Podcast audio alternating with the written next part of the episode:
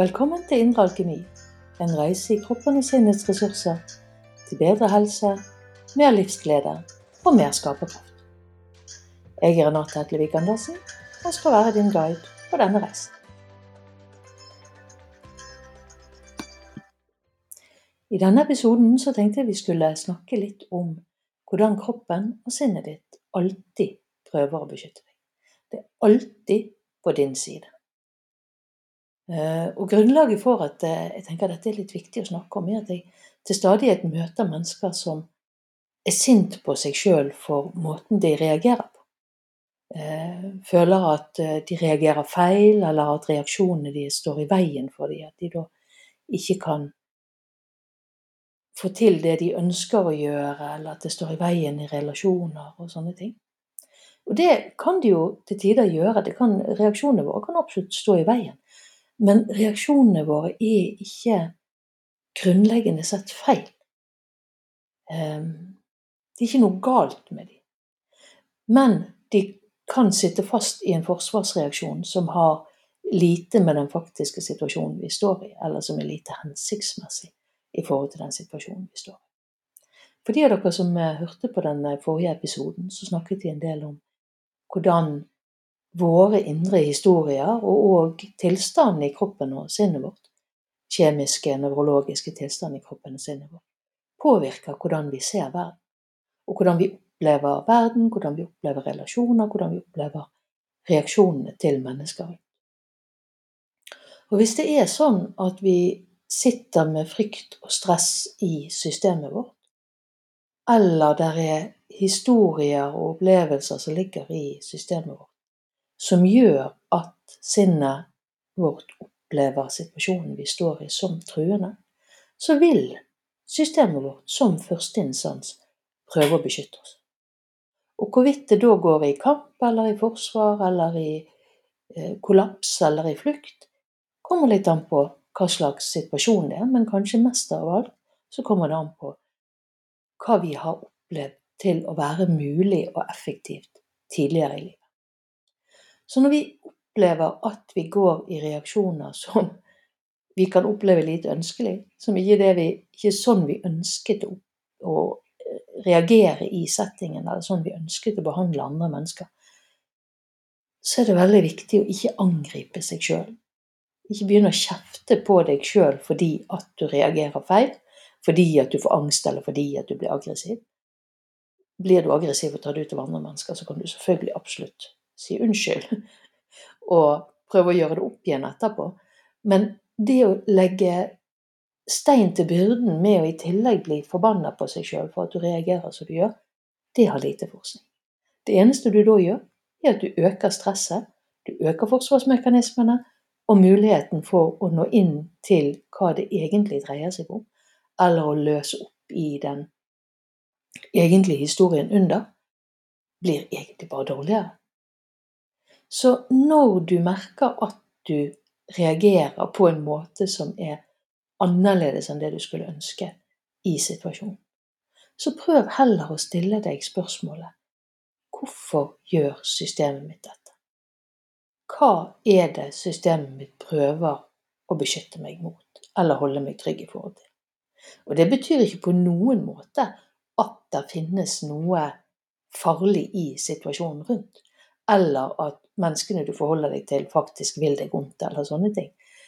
Eh, det kan utelukkende dreie seg om at du føler deg misforstått.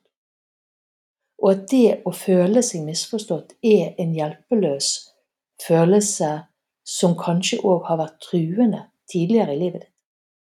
Det kan høres banalt ut, men det er faktisk sånn vi fungerer at dersom vi har opplevd ting tidligere, og mye kan være følelsesmessig truende, og dermed fysisk truende, oppleves som fysisk truende, når vi vokser opp, uten at det er det synlig for voksne mennesker rundt oss, uten at det faktisk har utgjort en fysisk trussel.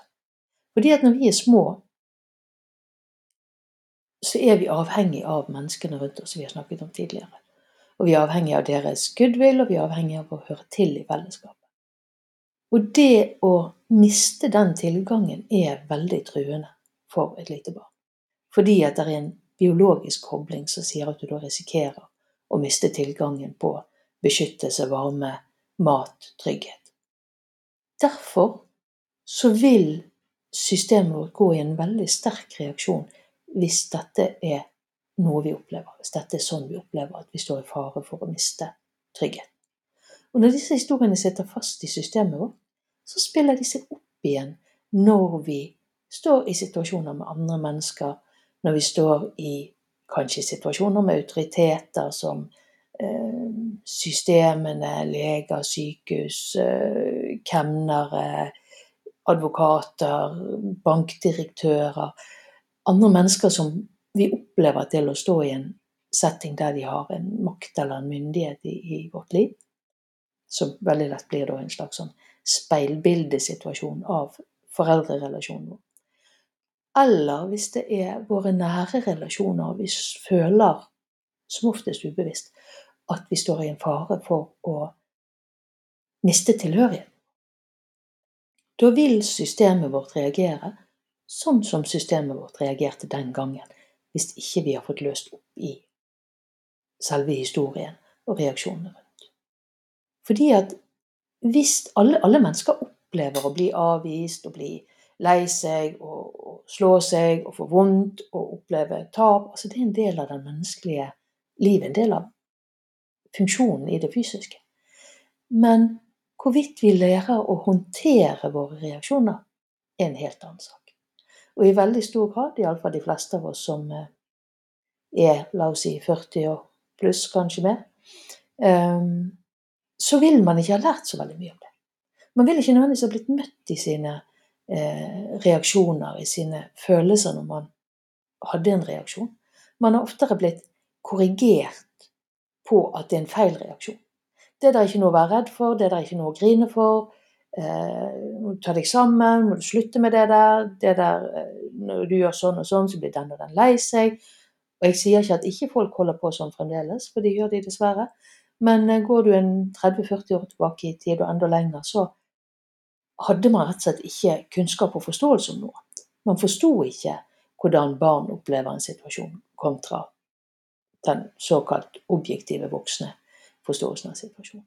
Og Dermed er det veldig veldig mange av oss som sitter fast i reaksjonsmønstre der vi føler at vi ikke har eh, hva skal vi si, handlerett og mulighet i eget liv, der vi ikke har plass til våre egne reaksjoner, der vi ikke har lov å føle noe annet enn det eh, omgivelsene gjør, eller det omgivelsene sier at vi skal gjøre, det er det korrekte, osv. Og så blir vi sittende fast i et reaksjonsmønster som er det vi lærte oss den gang når vi var tre år, to år, ett år, fem år, syv år, og ikke hadde mulighet kanskje til engang å sette ord på hva vi følte, og langt mindre kanskje ble hørt i det vi følte, og ikke hadde mulighet til å handle på egne vegne. Og når de reaksjonene trer inn, så går de ufattelig mye hurtigere enn vår rasjonelle tanke, og de har overtatt hele scenen før vi i det hele tatt har rekt å tenke såkalt fornuftig. Så er det fireåringen, treåringen, femåringen sine reaksjoner som er på scenen.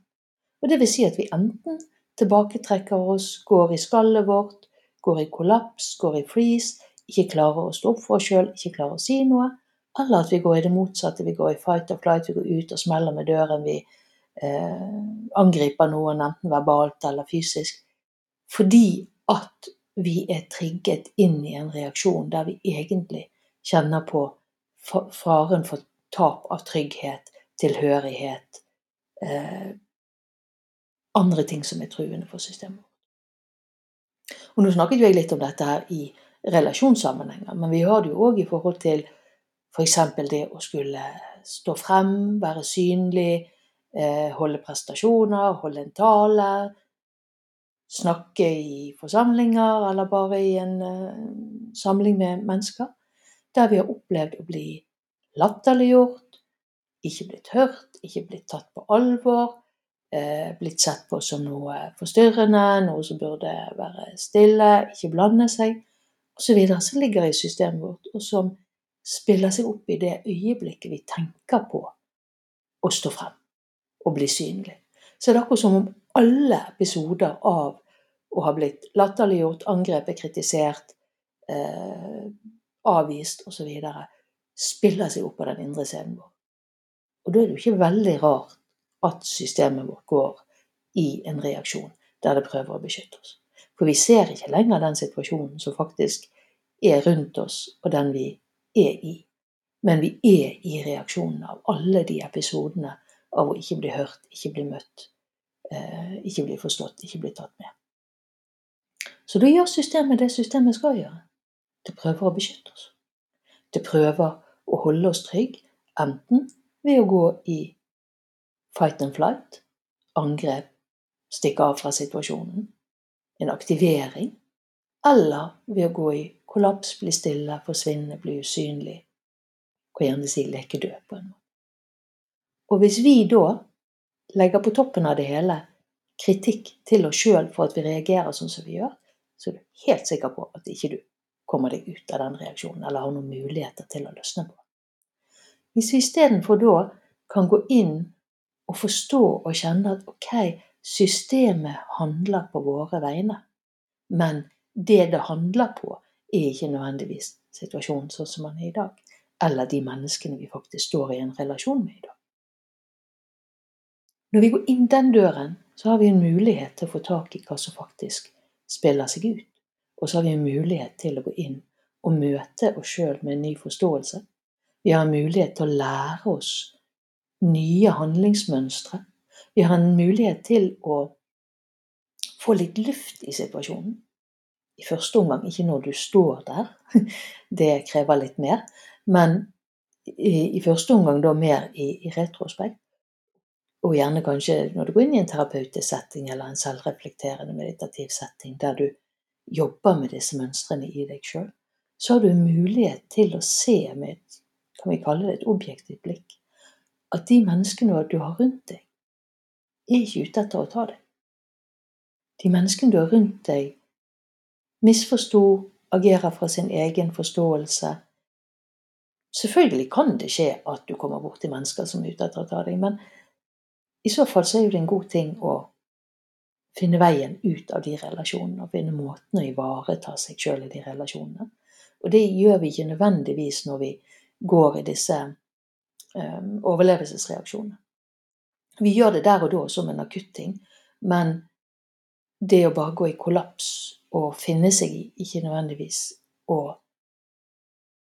komme seg ut av en situasjon eller ivareta seg sjøl. Dette skal vi nok snakke mer om i dypere lag eh, seinere. Men iallfall når vi kommer oss ut av de reaksjonene vi sitter fast i, som er ekko og speilbilder av gamle ting som vi opplevde, deler av oss sjøl, de indre barna som vi snakker om, disse bitene av oss sjøl som blir sittende fast når vi møter en overveldende situasjon som vi ikke klarer å løse. Og som da disse reaksjonene spiller seg opp igjen når vi kommer i situasjoner som ligner. Når vi klarer å nå inn til disse delene av oss sjøl og kan løse i det som ligger der, så begynner vi å se situasjonene mer nøytralt. Vi begynner å skape et, et rom, litt luft inni, som vi snakket om i en av de andre episodene, inni situasjonen som gir deg et valg, en valgmulighet. Du kan fremdeles gjerne bli aktivert, men det er akkurat som jeg pleier å si at den ene hjernecellen som fremdeles er våken, det vil være en del av deg som ikke nødvendigvis blir tatt av disse reaksjonene fullt og helt. Eh, at ikke disse indre scenene overtar alt, og som gir deg da en mulighet til å ta et annet valg. Det kan være litt prosess å komme der, og den viktigste ingrediensen i den prosessen er forståelse for deg sjøl. Tålmodighet, medfølelse, forståelse og forståelsen for at de reaksjonene som utspiller seg, utspiller seg for å prøve å ta vare på deg sjøl. Prøve å ivareta. Så nøkkelen ligger ikke i å angripe reaksjonen, men å prøve å forstå hva er det jeg opplever utspiller seg her, som ikke nødvendigvis stemmer helt med situasjonen. Hva er det slags tidligere erfaring eller indre bilde eller skrekkvisjon som jeg har lagt opp for denne situasjonen som er filter? og som gjør at systemet mitt tenker at det må angripe eller gå i kollaps for å overleve i en situasjon som nøytralt sett gjerne ikke inneholder fare.